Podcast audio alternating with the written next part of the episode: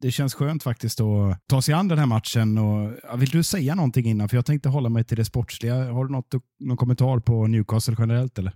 Ja, bajs.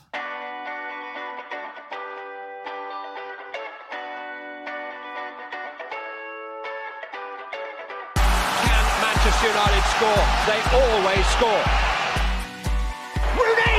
Oh, wonderful! It's Berbatov! Brilliant!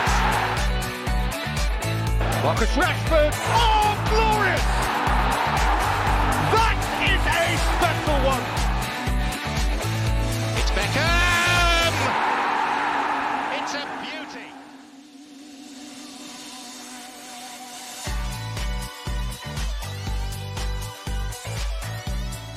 Känn er sådär asvarmt välkomna till ett nytt avsnitt av United-podden. Podcasten som du inte visste att du längtade efter. United-podden görs i ett stolt samarbete med både den officiella supportklubben MUS och United-redaktionen på Svenska fans. Den här veckan släpper vi ett historiskt avsnitt. För faktum är att för första gången i United-poddens anrika existens spelas ett duo-avsnitt in. Det är sjukt nog bara Micke som ska bolla tankar och smida planer med undertecknad idag. Hur känns detta Micke? Jag får väl eh, försvara mig själv. Det är väl inte så bara. Nej, men skämt åsido. Det, det känns som att eh, jag får en sån här bild framför mig. Jag är på en hockeymatch. Det är liksom sent 90-tal. Vi har fortfarande ett tredomarsystem. Eh, du vet när det bara är en huvuddomare och två linjemän. Nu heter de väl säkert assisterade domare. Man får inte längre prata om linjemän. Men eh, då händer det otänkbara. En linjeman blir skadad. Och eh, de får gå ner på två och spela i numerärt underläge hela matchen. Och eh, De gör en fantastisk insats. Eh, får stående ovationer i ett fullsatt Scandinavium.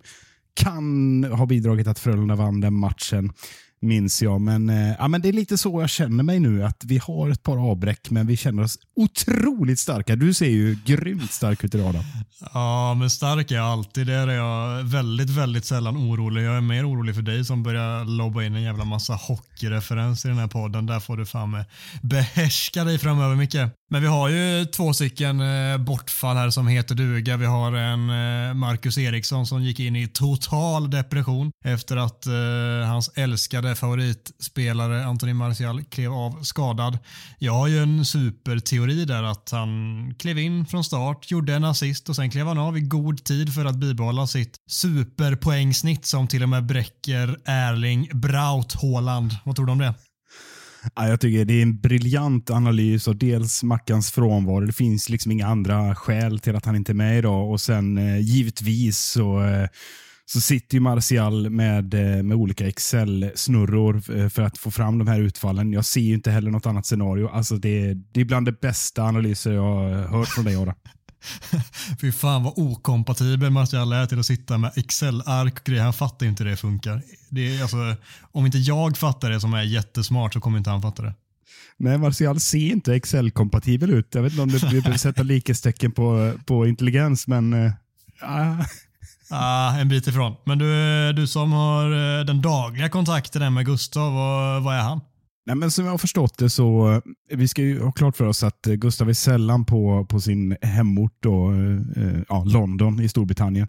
Eh, utan han är ofta ute på lite eh, diffusa uppdrag. Eh, nu, nu senast här så rör det sig om, enligt säkra källor, att han befinner sig i eh, skatteparadiset Luxemburg. Och sen, man kan ju liksom dra en massa slutsatser kring det, men jag utgår ifrån att eh, det handlar om någon form av officiell eh, bilateral sammankomst där eh, syftet är att komma ut med ett, eh, ett bra utfall där alla parter är nöjda och Gustav har liksom eh, så att säga orkestrerat det hela. Det är det enda rimliga eh, jag ser här. Kan det vara så att han till och med åkt dit på en inofficiell poddresa för att lösa någon riktigt god sponsor till den här podden? Ja, men det, det, känns som att det finns ju ganska tunga finansiärer där, eh, trots min grunda eh, kunskap kring, kring det Gustav håller på med. Så han rör sig i de här kretsarna och det känns, ja, det känns stort på något sätt att vi har en sån eh, korrespondent som, eh, som rör sig i de, i de finare salongerna medan vi sitter här och, eh, ja vad gör vi egentligen? Vi kämpar på. Ja, vi gruvarbetare får göra vårt och dra vårt strå till stacken helt enkelt. Micke, vi har ju kört en liten uppdatering på din fysiska status de senaste veckorna här. Funkar gubbkroppen eller är det fortsatt rehab som gäller? Ja, men det, är, det är jäkligt mycket rehab på, på schemat. Jag har en kämpig höst och lite, lite raspig på rösten idag också. Så det, det, det ena katastrofen efter andra avlöser sig. Men men det känns som att eh, vi var länge sedan vi checkade in på din fysiska status. Den här enorma satsningen och hybrisen runt eh, din korpenfotboll och golfkarriär som vi inte hört någonting nu på 17 veckor. Vad händer ens? Liksom? Golfkarriär. Jag gick med på en runda en gång, nu får du fan med sansa dig. Men den eh, fysiska statusen den är ju kanske en bit ifrån exceptionell. Den kanske är en bit ifrån bra, men närmar sig nog godkänd skulle jag säga. Jag har fan krigat på här med sån här god hemmaträning, alltså varje dag i, vad kan det vara nu, nu säkert sex veckor alltså, varje dag. Eh, kanske har fyra dagar som har försvunnit eh, där jag inte har lyckats mäkta med det, men däremellan så har jag fan med krigat på. Där eh, sträcker jag på mig och bankar mig själv på bröstet lite grann och är jävligt nöjd och stolt över det. Det ska du fan göra. Man kan säga att din fysiska status är bra mycket bättre än flera av våra kära, underbara, fina United-spelare. Ja, ja, ja, det beror på hur man ser det. De är ju kanske bra vältränade, men fan vad de går sönder. Där är jag såklart eh, en klass för mig själv. Mm. Vi ska se om doktor Mikael och doktor Adam kan eh, doktorera kring det här fortsättningsvis kanske. Ja, vi kan väl lämna en liten god cliffhanger där. Med det sagt så tänker jag att vi ska dra igång och prata om en rätt god vinst som ändå trillade in i helgen. Manchester United såg till att vända på steken och vinna tämligen bekvämt mot Everton på bortaplan. Slutresultatet skrevs till 3 Nej, just det. Vi rånades ju på ett mål ja. 2-1. Och i Mackans frånvaro byter vi givetvis ut veckans Macka mot veckans bajs. Micke, hur betygsätter du spelarna den här matchen? Ja, det är intressant rubrik på, eh, det, det, liksom, eh, det ger vissa förväntningar att det ska vara negativ klang. Men nu är inte Mackan med, men eh, titeln VBM till trots så kommer jag vara eh, ganska positiv här får jag ändå säga. Det var, utan att röja för mycket, ganska svårt att leta något negativt, tycker jag. Och Vi börjar i änden näst bäst eh, mot Everton. Och jag, här tycker jag jag blev, jag blev fan glad att se Luke Shaw tillbaka i, i den vad ska man säga, identiteten som vi har lärt känna honom på, på de sista åren när han väl är hel. Nämligen den tuffa, elake, kompromisslöse. Eh, ja, alltså, där är han eh, otroligt, otroligt stark och håller en väldigt hög nivå sett jämfört med motsvarigheter i Premier League när det gäller det spelet. Och det, det tycker jag har saknats i den där backlinjen och hans bidrag eh, var inte bara det fysiska, men det var verkligen en, ett statement att Martinez fick lite hjälp eh, där bak med att visa musklerna. Jag ska vänta med att eh, bedöma din bedömning, men för att prata lite Luke Shaw kort så tycker jag att det var jävligt kul att se såklart. Vi tycker alltid roligt att se när spelare presterar bra, men Också med tanke på att Malaysia har haft en nedåtgående formkurva. Det får vi vara väldigt ärliga med att säga. Kanske inte minst med bolltappet som innebar ett baklängesmål borta mot eh, Omonia i veckan. där. Det har känts som att det har varit lite på gång här att eh, Ten Hag nästan har väntat på ett bra läge att eh, pilla in Luke och liksom introducera honom ännu mer i laget och startelvan. Särskilt efter att han pratat bra om honom efter landslagssamlingen där han gjorde eh, framförallt en väldigt bra match som eh, stod för ett mål där också och sen så kom han in här i laget nu och gör en bra insats. Så det är såklart alltid nyttigt med eh, bra konkurrens i laget. Ja, men det, det är bra. Det är naturligtvis bra att vi har två bra alternativ eh, och delar din analys av Malaysia. Det är inte så att det är kört för honom för att han har gjort några svajiga insatser. Men jag tycker Shaw visar att eh, när det blåser lite hårdare i vissa matcher så ska han spela. Men med det sagt ska vi glida vidare och så kanske du har lite synpunkter på det stora hela här. Eh, om vi väljer att lyfta upp den som är bäst på plan då i den eh, röda United-tröjan. Var, hade de ens röda tröjor sist? Det hade de faktiskt. Ja, det var, det var läckert. Nej, men jag Röd, tycker, svart, svart. Ja, det var, det var läckert på alla sätt. Och en som vi har väntat på ska eh, ta plats i den röda tröjan från start är ju Casemiro. Och jag tycker att eh, vi ska prata lite kort om, om eh, baklängesmålet om en stund här. För, för det tycker jag inte hindrar att han är eh, en maktfaktor på det där mittfältet. Och inte bara för att han slår en 35 meters eh, genomskärare till sin gamla lagkamrat Ronaldo, utan jag tycker han är precis det vi har handlat in, nämligen han, han städar upp hela jävla mittfältet och vinner boll i parti minut och är kompromisslös i, mot ett lag som spelar ofta mycket på chans och fysik och andra boll. Och han hade ju att göra med den här Onana, eller Onana eller vad han heter, eh, ordentligt. Det var, det var en del att bita i där, men, men jag tycker eh, det var inga konstigheter för Casemiro. Jag tycker han redan, redan nu visar att det här är en framtida lagkapten för det här laget. Satan vad han imponerar trots en eh, ibland, eh, ska man säga, blandad insats inledningsvis där han tappar bollen vid deras 1-0 mål. Sen ska man inte lägga hela skulden på honom. Det är en Antonen sätter honom i skiten som ser att han har en alltså, jättetätt i ryggen. Men jag förväntar mig ändå lite mer av en total världsklasspelare som Casemiro är och det tror jag att han misslyckas med den mottagningen till att börja med och inte riktigt har koll på vad han har omkring sig i den situationen. Det tror jag mer handlar om machovana än någonting annat. Och Sen tycker jag att han verkligen växer in i matchen och han gör så väldigt mycket i det tysta också. Om man bortser från flera otroliga spelvändningar och liksom smarta lösningar så ligger han ju rätt konstant framför backlinjen. Och det är inte så att vi pressas tillbaka djupt i perioder, alltså inte ens i närheten. Men han är också en stor anledning till att vi inte tillåter Everton komma upp på särskilt ofta heller för att när de väl närmar sig så står han ju där. Han är i vägen. Mm. Jag läser i princip varje situation. Sen har han ju en märklig bolltouch innan han gör assisten till 2-1 målet. Men eh, ja, alltså på det stora hela så ser man ju eh, varför han har varit en sån viktig del i ett lag som har vunnit fem Champions League-titlar och man ser också varför vi la mycket pengar på honom. Man kan orda hur, om det var rätt eller fel men vi har fått in en jävla klassspelare här som såklart kommer bli jätteviktig för oss den här säsongen och kommande år. Han var ju också nära att kröna sin insats med ett klassiskt Der Bomber-avslut. Den ska han väl i ärlighetens namn få på mål, men jag tycker det drar inte ner. Det är ett bolltapp och det är, det är en missad nick i ett bra läge, men han är ändå bäst på plan i det, tycker jag. Ja, ja, ja. Jag, jag sträcker mig också till att han är bäst på plan. Men jag vill ändå slänga in en liten sån här brasklapp. Jag tycker det är så jävla lätt att man, för man har så gärna velat se den här spelaren och därför så ropar man sig så högljutt glatt och liksom, man överdriver nästan hur bra en insats är. Men han var jättebra och han var bäst i United.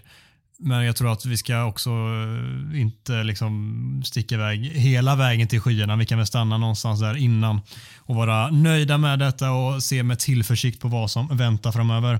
Luke Shaw tycker jag, det är kul att du lyfter upp honom. Jag förstår att du väljer att nämna honom. Jag hade inte haft honom som andra val. Jag tycker att båda faktiskt att de Gea är för honom, vilket jag sällan berömmer, men jag tycker att han gjorde sin bästa match under Ten Hag.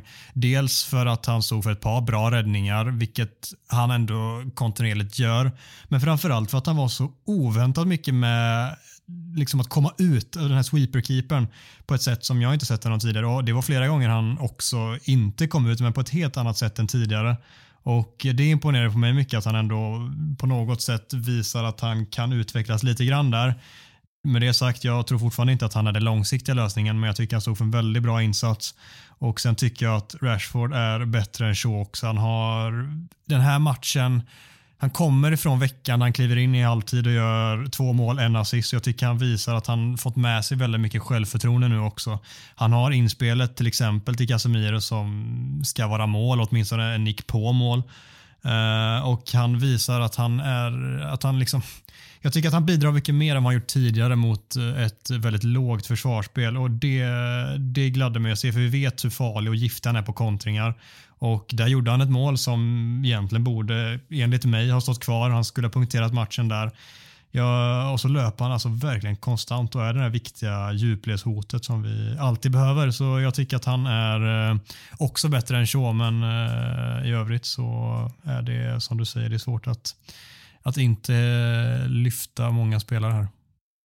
Nej, men så är det och jag, jag, jag, kan köpa ditt resonemang. Det är inte så att eh, i mina ögon att Shaw är solklar eh, näst bäst. Jag tycker att det, det, kan ha varit lite, lite glädjekalkyl i det också från min sida. Att, att jag, jag vill ju helst se Shaw där i en sån typ av match och jag vill få det beskedet nu att han dels spelar hela matchen, dels eh, liksom verkar fysiskt tillbaka. Vilket kommer att bli viktigt framöver. Så, men Rashford köper jag. De Gea köper jag till viss del. Jag tycker eh, eh, det är lite samma där. Vi, vi förväntar oss att han ska ta de här sweeperkeeper, springa upp och säkra bakom backlinjen. Jag tror han har ett par, par rensningar som, som eh, han kanske hade inte tagit någon match för, förra säsongen eller i år.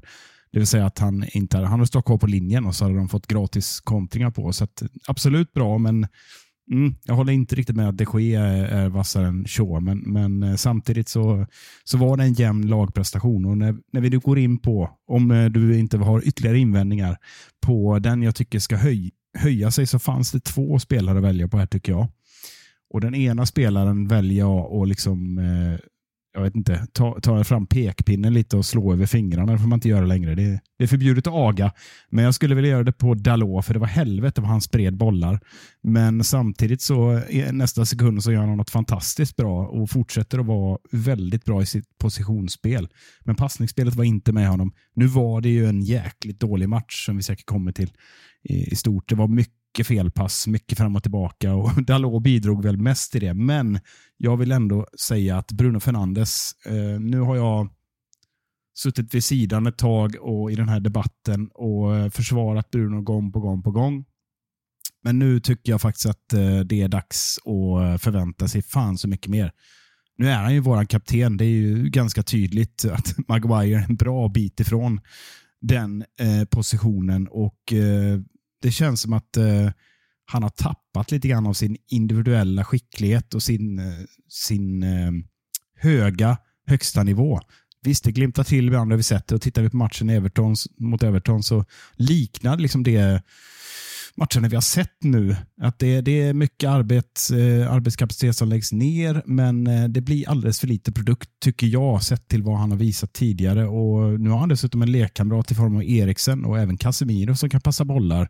Och Det känns som att han kommer, un, kommer i lite skymundan offensivt. Och, eh, jag, jag, tycker att han eh, måste hitta ett annat sätt att eh, komma in i matcherna offensivt. Jag tycker det är alldeles för, för svag slutprodukt från Fernandes. Det känns som att han lite letar efter var han ska passa in i det här lagbygget och att kanske även Erik den här gör det på något sätt samtidigt. Det jag tycker är att han, han visar inte upp den där utslagsgivande toppklassnivån, men jag tycker att han de senaste matcherna ändå, ja, kanske bortsett från City där inte någon var särskilt bra egentligen, men att han ändå visar upp en lite högre lägstanivå för det svänger som fan emellan med honom alltså, alltså i matcherna. Jag tycker i matchen mot Everton så han har inte någon sån här superframspelning men han, har liksom, han går i djupled många, många gånger. Han har en där han sätter, jag tror det är Dalot som du kritiserade precis innan, satte en perfekt boll i djupet på honom. Som sedan vänder in mot Martial som står för någon cirkuskonst och nästan ger mål. Där eh, är ju Bruno såklart högst delaktig i det. Han har någon sån här halvaktion hela tiden men det flyger inte riktigt hela vägen. Dit jag vill komma att jag tycker att han har börjat göra det lite enklare för sig och det kanske gör att det kostar lite på den här enorma kreativiteten som vi sett tidigare. Mm. Han, eh, han försöker på något sätt passa in lite mer i den fotbollen som Ten Hag försöker implementera, vilket såklart är rätt av honom för annars kommer han inte få spela. Att han gör det lite, lite enklare. Han försöker inte slå den avgörande passningen varje gång hela tiden och jag tror det är där han försöker hitta någon form av balans nu, både han och Ten Hag, hur, han ska, hur och när han ska försöka vara den som avgör. Och eh, i dagsläget så gillar jag ändå det jag ser att han tar sig an den rollen och försöker verkligen forma sig själv lite grann till ett sätt som passar bättre in i laget. Så jag håller med dig att han behöver höja sig. Men samtidigt gillar jag vad jag ser, om det går ihop. Nej, men jag fattar vad du menar och jag köper också att eh, arbets, arbetsinsatsen är det absolut inget fel på. Djupledslöpningar, att han tar ansvar där. Det gör han verkligen.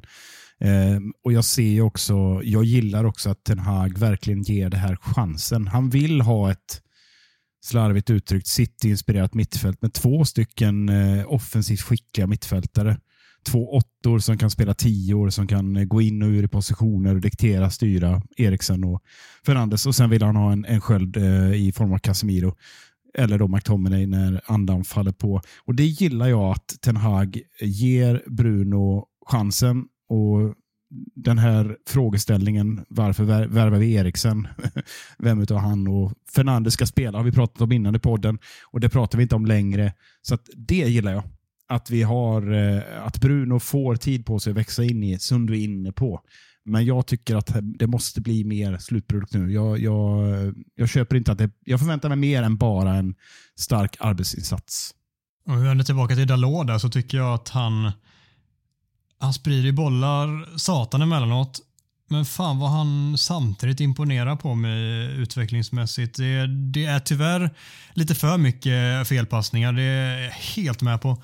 Men jag tycker också att han har en del riktigt smarta lösningar emellanåt som man nästan säger wow, det det såg inte jag komma från tvn, vilket man oftast har lättare att se liksom, när man har en överblick mm. på det på ett annat sätt än vad spelarna har på planen. Han liksom hittar någon jättesmart lösning genom att byta till bortre inneback istället för att sätta en svår pass in mot mitten. Han, eh, han har en del smarta lösningar som framspelet till Bruno och ett par tror jag, mot Antoni också som är så här, fan det, det, liksom, det håller på att hända någonting där. Jag tycker att han eh, tar kliv hela tiden och nästa steg är ju verkligen att värdera när han ska spela svårt och när han ska spela enkelt och hitta, eh, hitta någon form av balans där. Då, då tror jag att vi har en jättebra högerback här, men eh, det finns ju också samtidigt någonting som har bubblat upp de senaste kanske veckorna här att han har ju ut, ett utgående kontrakt men United har möjlighet att förlänga med en option på ytterligare ett år där.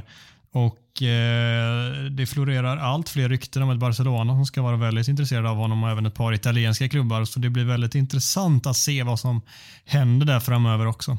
Känslan just nu är att Ten Hag vill behålla honom och jag håller med dig. Eh, jag tror han kan ta ett, en nivå till. Eh, men då måste han sluta sprida bollar.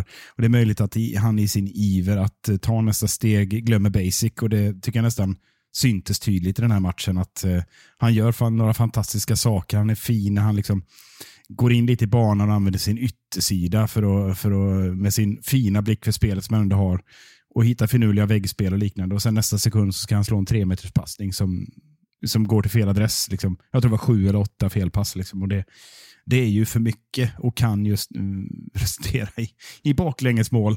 Eh, så. så en liten knäpp på näsan från mig till Dalot och eh, lite mer skäll på Bruno sammanfattar jag veckans bajs-Micke med. Gott så. Vi ska inte dissekera varenda liten minut, varenda litet moment i matchen, men det, har, det finns ändå ett par punkter som jag tycker är värda att lyfta upp.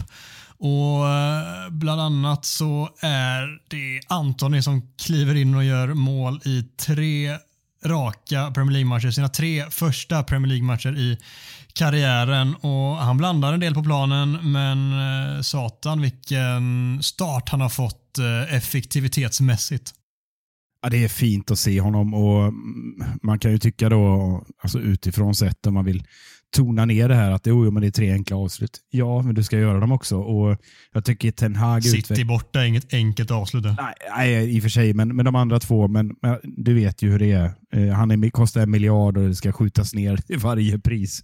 Mm eh, nej, men jag tycker Ten Hag uttryckte det, han fick ju frågor på presskonferensen såg jag kring det och han resonerade lite grann som så här att Antoni vet vad han ska göra eh, och samtidigt vet han vad han har att jobba med. Eh, och Här känns det som att här har Ten Hag en adept som han har tjuvstartat med i form av eh, Ajax-tiden och eh, han gav honom beröm för sitt hemåtjobb som var obefintligt mot City tyckte jag. Eh, nu igår såg det bra ut. Han hjälpte Dalot. han var över och yra lite på vänsterkanten såg jag i en tio minuters period, men gjorde det också bra därifrån. och Samtidigt så är han utslagsgivande och den egenskapen är ju faktiskt en liten bristvara om vi tittar på övrigt. Eh, Rashford har gjort det bra, men tittar du på Sancho så så har vi inte riktigt den nivån. Och att så snabbt komma in och ändå sätta tre eh, mål på det sättet han gör. Det känns, han tar sig till positionerna för att göra enkla mål. Två enkla mål och det tredje mot City är ju, som du är inne på, inte särskilt enkelt. Men jag är imponerad av, av just de delarna och jag känner mig trygg i att Ten Hag har eh, sin hand om, eh, om Anton här och kommer få ut mer av den här spelaren. Helt klart. Ja, trygg var verkligen ordet där.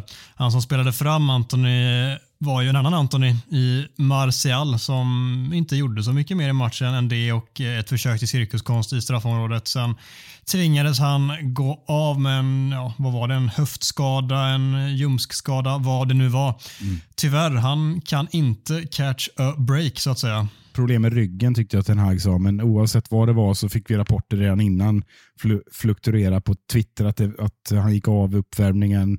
Kom ut och jag tyckte han såg lite, eh, nu jävla hot take-VM här, men han såg lite begränsad ut, även om han inte var särskilt begränsad när han accelererade och serverade Anthony så, så känner jag ändå att eh, eh det såg lurigt ut och det verkar vara svårt för Martial att ta sig ur det här jävla skadehelvetet.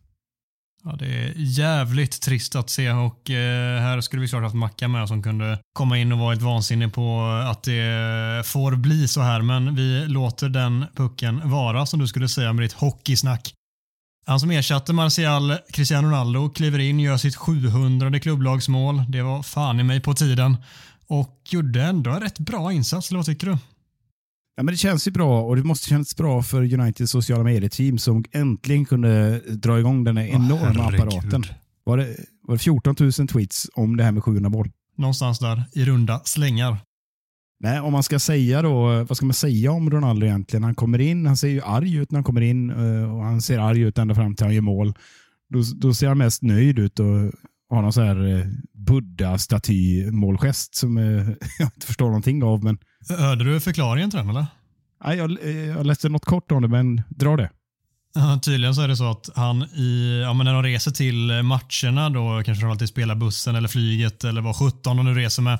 Så när han vilar inför dem så ligger han tydligen och vilar på exakt det sättet då. Han lutar sig tillbaka och armarna på bröstet precis på det sättet som Ronaldo och Anton gjorde då vid målgesten. Så det var tydligen ett internskämt i, i, i laget. Så det var, du, du tolkar inte in det som att det var en gest mot någon eller några? Nej, jag väljer att inte göra det. Han, han inte heller drar sig tillbaka och nöjer sig med 700 boll. Det, det ska vi inte heller tolka in i gesten. Nej, det är ingen som har lyft upp att han har gjort 700 mål eller? Nej, vad ska vi säga om insatsen då? Jag är nyfiken på din take, för du har ju varit eh, jäkligt kritisk mot eh, Ronaldo. Det tror jag ingen har missat va? Eh, vad skulle du säga, är det ett steg framåt eller vad var det vi såg egentligen? Ja, alltså, men såklart. Vad fan, han, hade ju, han kunde ju inte gå något annat än framåt eller på att säga. Det, det är såklart hans bästa insats den här säsongen och då har han ju alltså, absolut noll konkurrens där. Men eh, jag tycker att han var eh, även lite bättre i spelet, vilket vi efterfrågar i, i honom för att han ska kunna spela. Det räcker liksom inte att han är bra i avslutsläget. Vi kan inte ens ha varit tidigare, men han var den här matchen. Utan han, vi behöver ju också faktiskt att han bidrar med någonting i spelet. Och Han var inte klockren i det och han var inte lika rörlig och lika lätt i touchen som till exempel när Martial är när han eh, faktiskt är skadefri och kan spela där. Men han var på den nivån att det inte hämmade laget nämnvärt, i alla fall i en match mot ett Everton på det, på det sättet som vi spelar där och då. Och kan han bibehålla det så blir han ju ändå någon som kan komma in och avlasta och göra skillnad också till och med och inte bara vara någon som man suckar över och frustreras över att han ens får någon minut på planen lite ombytta roller idag känner jag. Jag skulle vilja kritisera Ronaldo lite. Jag skulle påstå att han är orsaken till att vi inte avgör matchen på slutet. För Jag tror vi pratade om det, jag och du, i vår chattgrupp. Ehm, eller jag påstod någonting och du höll med. att Det känns som att han eh, förstör och eh, det är liksom kombinationsspelet hämmas. Och så var det i första halvlek tycker jag. I andra så tycker jag att han var, tog helt rätt löpningar och någon gång såklart så missar, misslyckades han men jag tror att det är, för mig i det fallet så tror jag nog Omonia-matchen där han var riktigt svag eh, kanske på något sätt spelar över. Eller kanske i ditt fall men för jag tycker ändå att han i Everton-matchen i kontringssituationerna inte förstör särskilt. Det är såklart någon situation, men han är nog fan eh, inte sämre än någon annan där, vilket chockar mig. Ja, men jag tycker fasen, eh, med, hade, vi kan vara överens om en sak. Hade kattmjuka och fina Marcial varit kvar på plan så hade det stått 1-4. Ja, gud ja, minst. Och Det är någon situation i första halvlek där Ronaldo, bara för att han är så jävla målkåt och liksom bara tänker på att få göra det här 700 eller 701 målet som är nästa för honom, så ser han inte liksom att om han bara släpper bollen och låter den vara så kommer någon medspelare, vem det nu var, fri och kan stöta in bollen. Men då ska han ta den i en solklar offside-position och så är det ja, anfallet just. helt dött. Det kanske det jag färgades av, för det, det, blev, det blev jag oerhört uppretad på nu. Ja, det, det köper jag verkligen att du blev. Men eh, i övrigt då, om vi pratar om, eh, om insatsen. Jag tycker att första halvlek är kanske vår bästa för säsongen om man ser till hur vi kontrollerar matchbilden. Everton låter oss absolut göra det, men vi är också väldigt bra på att stretcha ut deras lag och ändå ta oss fram till målchanser i slutändan. Tillräckligt många för att leda med mer än 2-1 också för den delen. Och de har ju i ärlighetens namn inte en sus i vädret förutom ett drömmål av Iwobi som bara att ställa sig applådera. Ja, men det, det är ju var en eh, väldigt bra analys. Jag, jag delar den och det var kul att se lite Ten Hag-fotboll. Eh, jag upplevde att det var bra kontroll på, eh, på passningsspelet, men vi måste ändå säga att jag tycker det var ett sva, väldigt svagt Everton som kändes rädda och tog inte för sig. Kunde ha tagit för sig mer i och med att de fick den där utdelningen som vi, vi alla varnade för att undvika under första kvarten. Men, men det går inte att skydda sig mot det jävla målet, men eh, det känns som att eh, United fick lite hjälp av ett ja, hysteriskt svagt vill ta i, men, men ett svagt Everton som skapar lite kris och panik liksom mot slutet. Men annars så, äh, jag, jag måste säga att det, det, såg, det såg ut som Frank Lampard har det riktigt tufft framöver.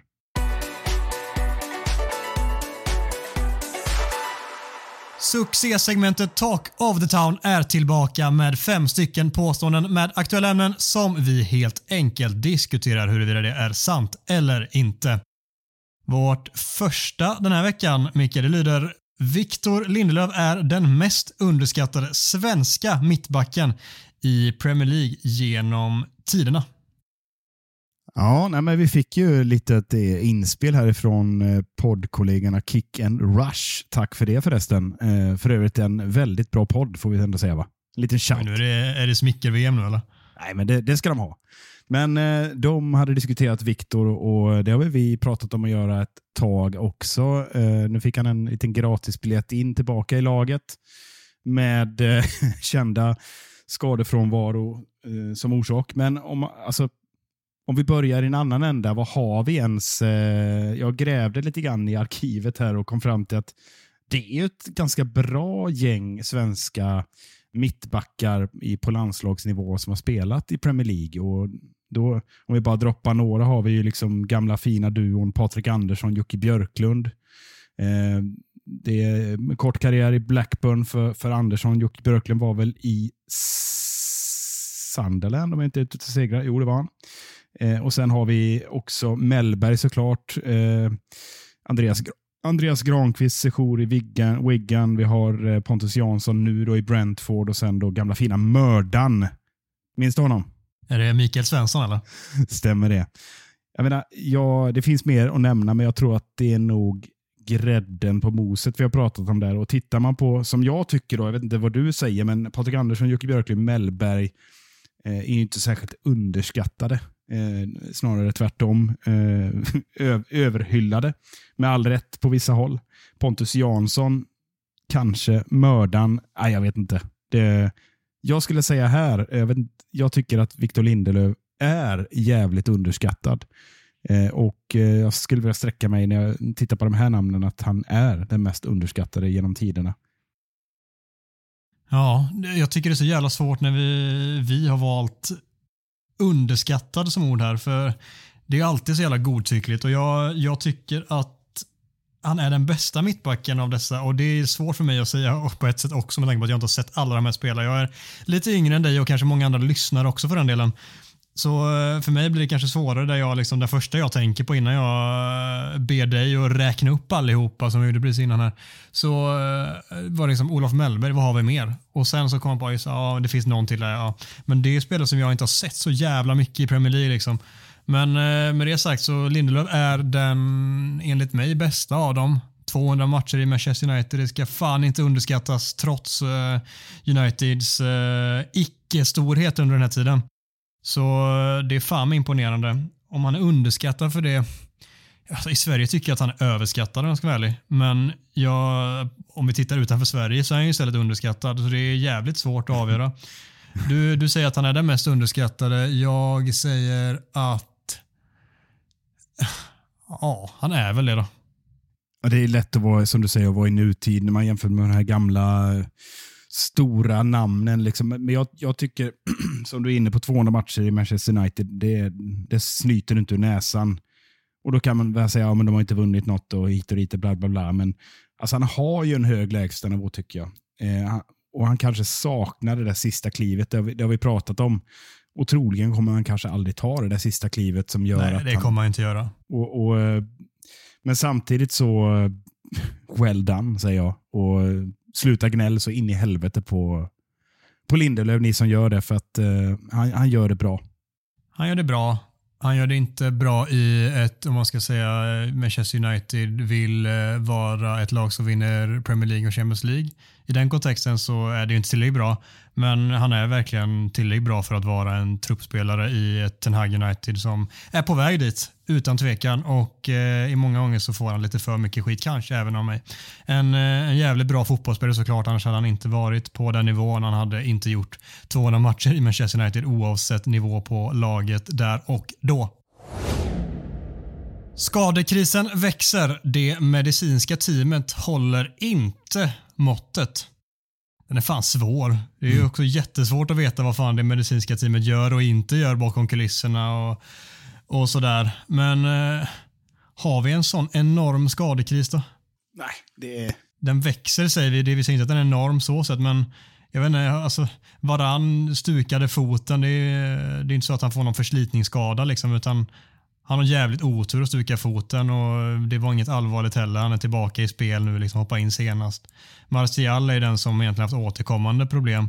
I övrigt så har vi väl inga egentliga, liksom, vi har ju de här såklart Donny van der Beek och Brandon Williams och Axel Tuansebe och Phil Jones om man nu vill lyfta den typen av spelare. Men de som egentligen gör skillnad, där har vi ju de flesta friska.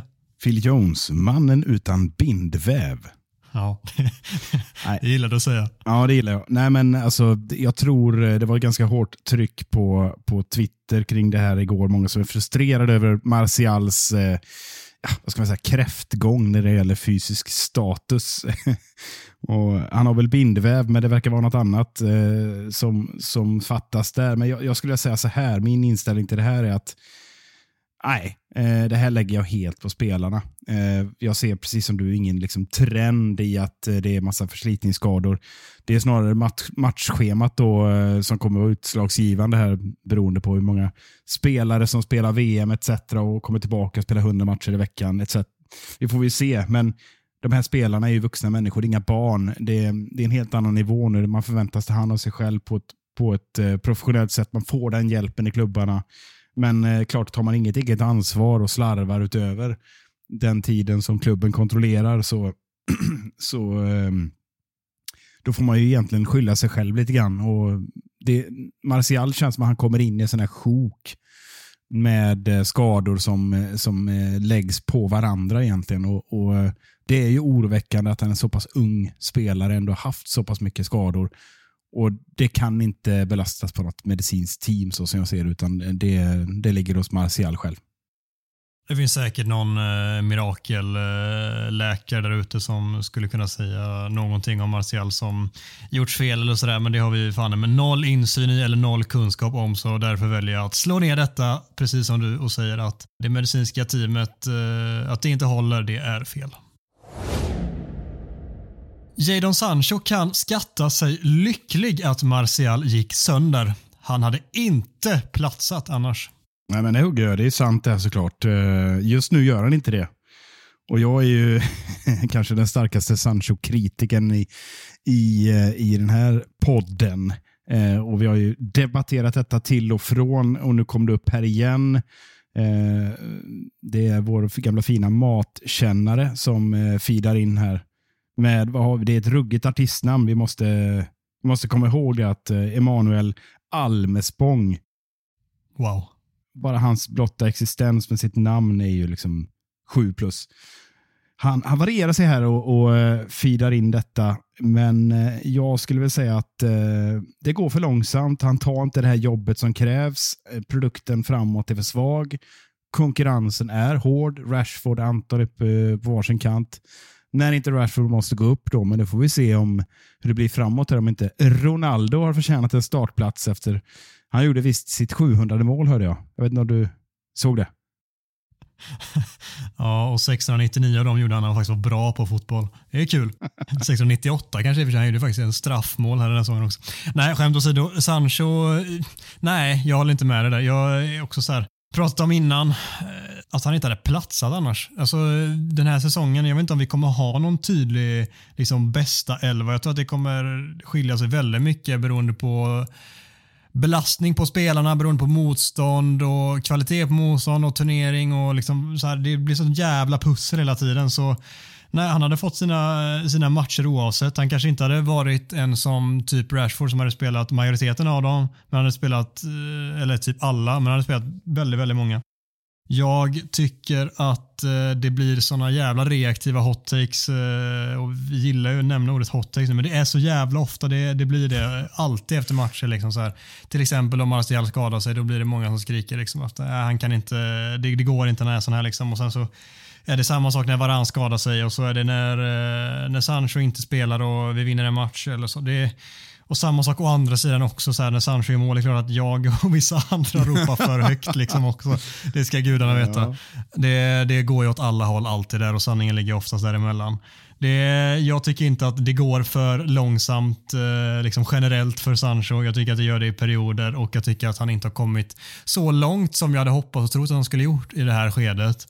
Men eh, jag tycker också att folk är lite för snabba med att eh, hytta med näven så fort det går lite, lite åt ena eller andra hållet. Man kan säga att du, du underkänner egentligen påståendet här genom att, eh, tolkar jag då, eh, flytta gränsen för, för eh, Sancho här att, och liksom, du breder ut det. Jo, men det kommer spelas många matcher och det ska roteras. Påståendet är ju alla är eh, skadefria och det ska ställas ut ett lag. Då är platsen inte han, tycker inte jag. Du pratar alltså, om du skulle plocka ut den bästa elvan just nu så startar inte... Ja. Men eh, betyder det att han inte platsar i laget generellt? Nej, inte i, i, i, truppen. Då. Det var ju hårt. Det, det, det, vill, jag inte, vill jag inte säga. Men, men, eh, det är klart som fan att han kommer få speltid. Men det kommer Donny van de Beek också få. Eh, ja, det kanske. vete fan. Jag tror att så här, Sancho kommer eh, spela väldigt mycket och nej, kanske inte i dagsläget. Just nu tror jag inte han skulle starta i, eh, när Tenag skulle sätta ut sin bästa elva. Det kan jag nog ändå eh, hålla med dig om. Men eh, jag, jag väljer att vara betydligt mer optimistisk och positiv till honom än vad du är. Ja, vi får eh, helt enkelt enas om att eh, det finns en stark utvecklingspotential här. Det gör det också verkligen. Och En sak som jag diskuterade med en annan polare för ett tag sedan som hade varit intressant att se också i någon match framöver, det är att spela honom lite mer centralt. Vissa tycker att han är lite för långsam och ja, han är inte den mest explosiva spelaren i världen. Och Det behöver han inte alltid vara eller beroende på hur vi spelar och vilket motstånd vi möter. Men i vissa matcher hade det varit jävligt intressant att se honom i en mer central roll också. Lite bakom anfallaren med Rashford och Anthony på varsin kant också. Han, eh, han, är, jävligt, han är en jävligt smart spelartyp och som vi pratade om tidigare så är det en spelare som också är som allra bäst när han får sammanlänka med andra spelare och inte när han ska utmana en mot en i första hand utan att han har någon eller några att kom, eh, kombinera med Eh, och att han liksom är ju en erkänd poängspelare han, när han kommer närmare målet så är han jävligt kall. Vi ser målet mot Liverpool till exempel där på hemmaplan när han total iskall när han väl kommer till läge framför mål där och bara stannar upp, skottfintar och så lägger in den. Det, att få honom i en centralare roll mer framför mål emellanåt eller åtminstone testa det hade varit intressant tycker jag. Absolut, och det är en lek med siffror. I, i, det, i det moderna 4-3-3-systemet så finns det utrymme att ta sig in i pockets. och det är väl mer tydligt att Anton är en spelare som håller sig lite längre ut på kanten. Så att absolut eh, ser jag också det och jag noterar väl det mot eh, Nicosia där så hoppar väl Martial in och spelade tillsammans med Ronaldo. och spelade lite bakom också i den där rollen. Han klarade också det spelet. Eller falsk nia skulle man kunna testa också. Det finns många uppslag här och jag håller med dig att Sancho känns, het när han är inne i mitten och kombinerar. Så det har vi något. Det, ska vi mejla över det receptet till Ten Hag? Ja, vi gör det. Manchester United kommer ha max två spelare med i Englands VM-trupp. Det väljer jag att skjuta ner jag då. Jag vet inte vad du tänker, men jag tänker att Harry Maguire och Luke Shaw kommer vara givna. Om eh, Luke Shaw var det när han var dålig så kommer han vara det när han har spelat mer och varit bättre. Maguire verkar ju inte gå att flytta på i, eh, i Sherry Southgates huvud så han kommer vara med och eh, garanti på att en skadefri Rashford kommer eh, tas med i den truppen också. Annars så kan de lägga ner hela det landet. Ja, jag, jag, väljer faktiskt att sticka ut hakan här. Jag, jag säger Luke Shaw är given. Han kommer eh, skadefri vara med i det där laget och jag, jag tror Rashford också kommer vara med. Eh, jag tror inte Maguire kommer tas ut. Jag tror att det är, eh, det är, för, det är för hårt tryck och det, det, det är för mycket runt den här spelaren. Det är en enorm prestigeförlust för Southgate att eh, gå fansen till viljes. Men det är tydligt att eh, Maguire, oavsett vad Lindelöf säger i norska Viaplay-intervjuer, det var för övrigt en väldigt speciell fråga att få efter sin 200 match och seger mot Everton. Få fråga om Harry Maguire.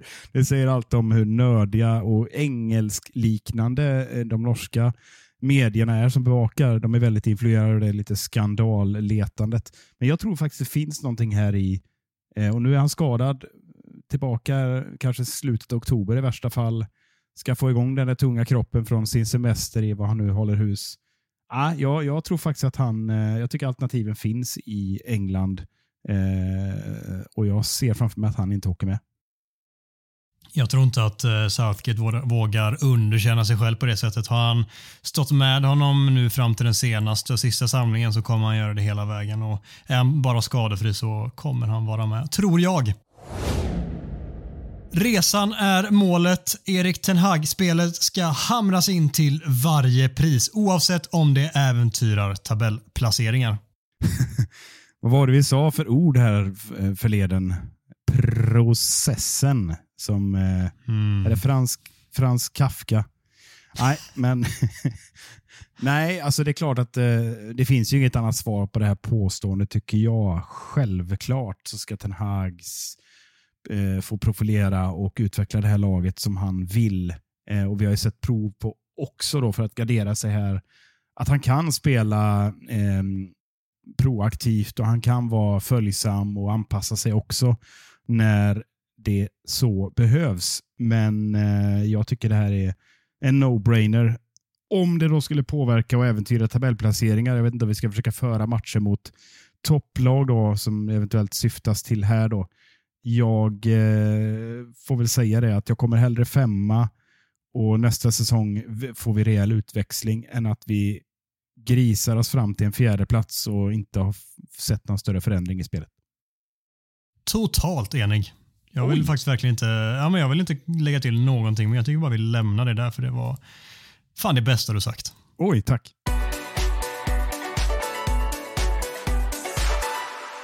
Nästa match spelas återigen mot Omonia nu på hemmaplan på torsdag klockan 21.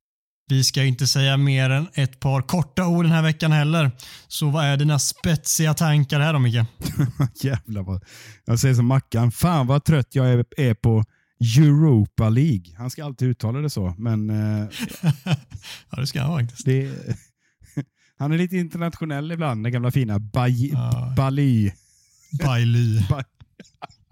Nej, förlåt Mackan, vi ska inte håna Nej, kamma dig Mackan. Nej, men vad fan, vad, vad, är det här för, eh, för jävla lag? De har ju någon målvakt som är sex meter lång och så har de Mix Diskerud som eh, ser ut som, eh, jag vet inte fan, han står nere på ett konsertgolv på propaganda eller något. Han känns som en ruggig hipster som har hamnat helt fel. Sitter nere och, och fiskar vad finns det för fisk på Cypern?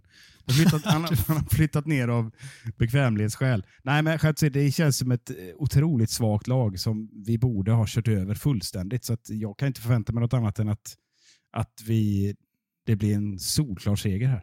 Ja, men såklart. Och det ska givetvis roteras lite grann. Jag är helt övertygad om att den McTominay som dessutom är avstängd mot Newcastle till helgen att han startar matchen, att Fred får lite mer speltid, att en Sancho startar, Elanga kanske lirar. Det, och Malaysia spelar ju såklart också. Det, det, kommer vara rotation och det är såklart det ska vara det. Och med det sagt tycker jag det är ändå intressant att se för vi har ju verkligen nött in eh, de som spelar väldigt mycket. Vi har ju verkligen fått nöta in Ten Hag-spel. Det ska bli intressant att se hur det funkar. Om än mot ett svagt motstånd så kanske det, det kanske också är bra då.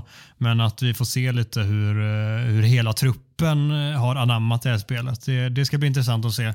Med det sagt, så oavsett hur bra och väl det faller ut och funkar så ska det bli en bekväm seger här.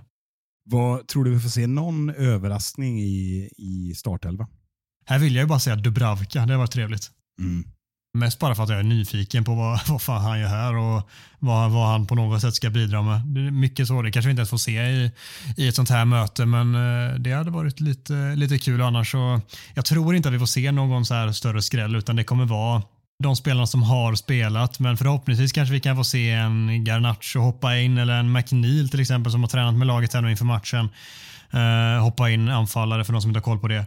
Att någon sån ung spelare får spela lite grann eller Isak Hansen norsken får eh, in på mittfältet och trilla lite boll och vara lite god med fötterna som han eh, verkligen kan vara i ungdomslagen. Det hade varit väldigt kul att få se mer än liksom 10 sekunder också. Men eh, jag tror inte att vi får se från start någon jättechock om jag ska vara ärlig. Ett skönt 10 sekunders inhopp vill man ändå ha. Ja, det känns ju tyvärr som att många unga spelare ofta får det. Så här, hinner knappt in till mittplanen innan domaren blåser av matchen. Och det var de värdefulla minuterna säger jag med eh, fingrarna upp i vädret. I nästa PL-match väntar Newcastle på hemmaplan på söndag klockan 15. Här har ju du en riktigt god motståndarkoll Micke. Det ryktas åtminstone om det. Ja, visst har jag det. Det, det känns skönt faktiskt att och ta sig an den här matchen. Och, vill du säga någonting innan? För jag tänkte hålla mig till det sportsliga. Har du något, någon kommentar på Newcastle generellt? eller? Ja, bajs. Då går vi vidare. Så här är det ju faktiskt, att det här laget börjar ju så smått växa ut till ett stabilt eh, topp 10-lag väljer jag att säga, för att gardera mig lite. Men de har ju faktiskt bara en förlust på de första nio matcherna och den kom mot Liverpool och de avgjorde ju i 250 minuter eller någonting. Alltså, sinnessjukt avslut. Eh, Carvalho som sköt från ingen vinkel eller vad fan det var. Oerhört obehagligt eh, på alla sätt och vis. Även för Newcastle, men det verkar inte ha slagit ner dem och det är absolut ingen bluff. De har ju liksom gjort kanonmatcher som, som eh, den mot City och för all del mot Liverpool. Eh, Liverpool hade tur i den matchen tycker jag. Så de har kommit igång ordentligt nu sista matchen, trots att de bara är en förlust eh, sista matcherna. Eh, en förlust hittills i år så har de ju faktiskt 9-2 på de två senaste matcherna. Och eh, Tittar du i startelvan och börjar liksom fundera på vad är det här för typ av förvandling? Det är inte jättestora förändringar om man säger så. Klart att de har Nick Pope som kanske är number one för England eh, numera. Vi har Trippier som är otroligt vass. Bottman har kommit in, eller Båtman eller vad man säger. Dan Burn är väl inte ny och Gimaresh är väl inte heller ny, men det är väl det nyare Newcastle om man säger så. Sen är det ju samma gamla skator vi ser på plan och det måste man ju ändå säga att det är ju starka papper för Eddie Howe. Alltså oavsett ägarförhållande eller ej så är det inte så att de har gödslat in Mesut Özil och Gareth Bale och sådana, här trasiga namn eh, för fantasisummor, utan det känns som att det är ett, ett lagbygge som är på väg att ta form till något. Ja, vad var det Erik Niva sa? Till någonting som eh, vi inte har sett på 20 år.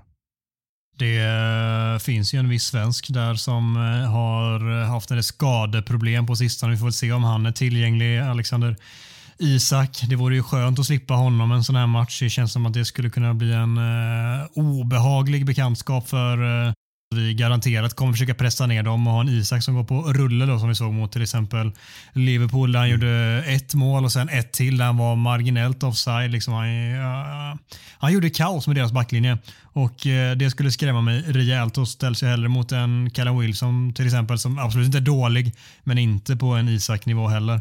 Så där får vi väl hålla tummarna att han inte är spelklar då.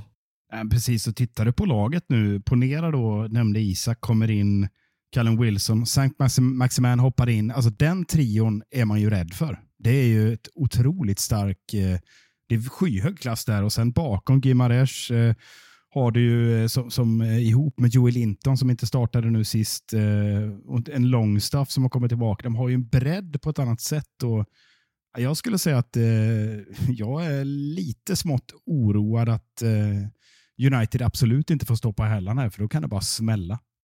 Ja, jag är inte alls eh, säker på att det blir eh, någon bekväm seger, om ens en seger här. Men jag, jag vill också hylla lite mer Bruno Gimares som jag tycker är en helt otrolig fotbollsspelare. Och Det är inte för inte som han lite smått börjar koppla samman med klubbar som Real Madrid och dylikt. Det är en spelare som jag inte hade tackat nej till på vårt mittfält om man säger så. Han är banne mig toppklass och det är en spelare vi inte får ge allt för mycket utrymme på något sätt för då kommer han stå där och ha lekstuga på centralt fält. Det är väldigt intressant om, om vi, vi tänker ett sånt scenario att Newcastle fortsätter den här resan och ligger och hugger där på en topp 7-plats som känns ganska rimligt eh, framåt. Eh, ponera då att eh, då kliver Real Madrid då, eller, eller City eller någon och vill liksom, åh, Gimaresh, han ska vara, eller United då.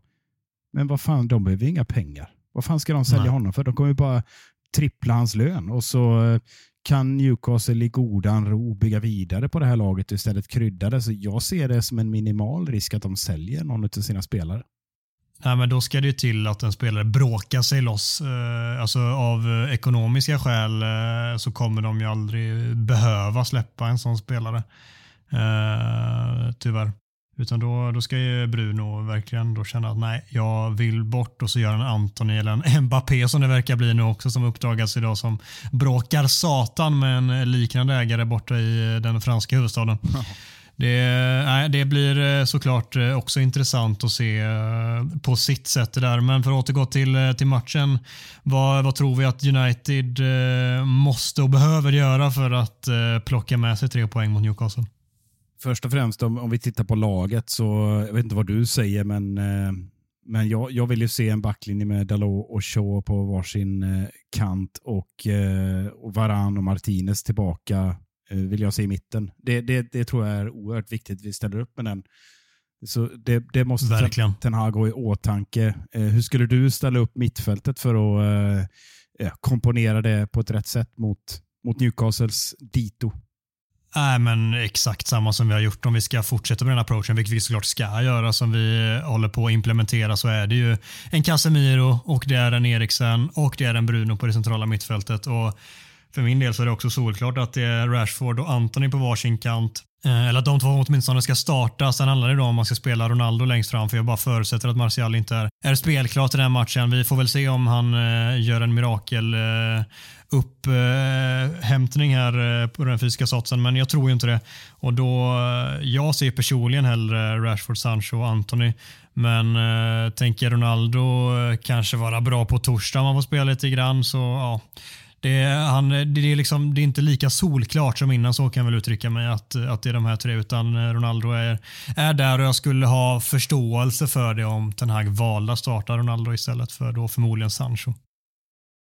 Ja, vi får se. Det, det blir ju spekulativt eh, i och med att matchen på onsdag och speltiden där kommer att avgöra en del. Vi vet att McTomin inte är med, men, men eh, jag tror det kan, ja, det kan bli lite vad som helst där på söndag. Vi får se. Vad som helst till och med? Ja, ja alltså Elanga eh, kan ju tända till mot, mot cyprioterna och det är en spelare som jag tror skulle passa rätt bra mot, mot Newcastle, men jag vet inte. Det, det känns som att Ronaldo eh, har ju vägen framför sig här, men eh, jag är långt ifrån säker på att det fortsätter spikrakt. Ah, nej, det, det är inte jag heller. Men för bara snabbt på Elanga där, så jag tror även om han skulle ha 300 mål mot eh, Omonia så tror jag inte han startar mot Newcastle. 300 mål. Ja, det vore kul att se. Det står någon jävel med kulram bredvid där. Ja. ja, det vore fan med scener. Om vi ska tippa här Micke, vi har ju blandat och gett med den eh, genom säsongen får vi allt säga, men den ska tydligen göras. Ja, det ska tydligen göras och eh, jag tror vi får konstatera att eh, Newcastle har så många offensiva hot och är i så pass bra slag just nu att vi får nog tänka oss att släppa in lite mål. Så jag, jag sticker faktiskt ut hakan och säger att United vinner ett eh, målkalas med 3-2.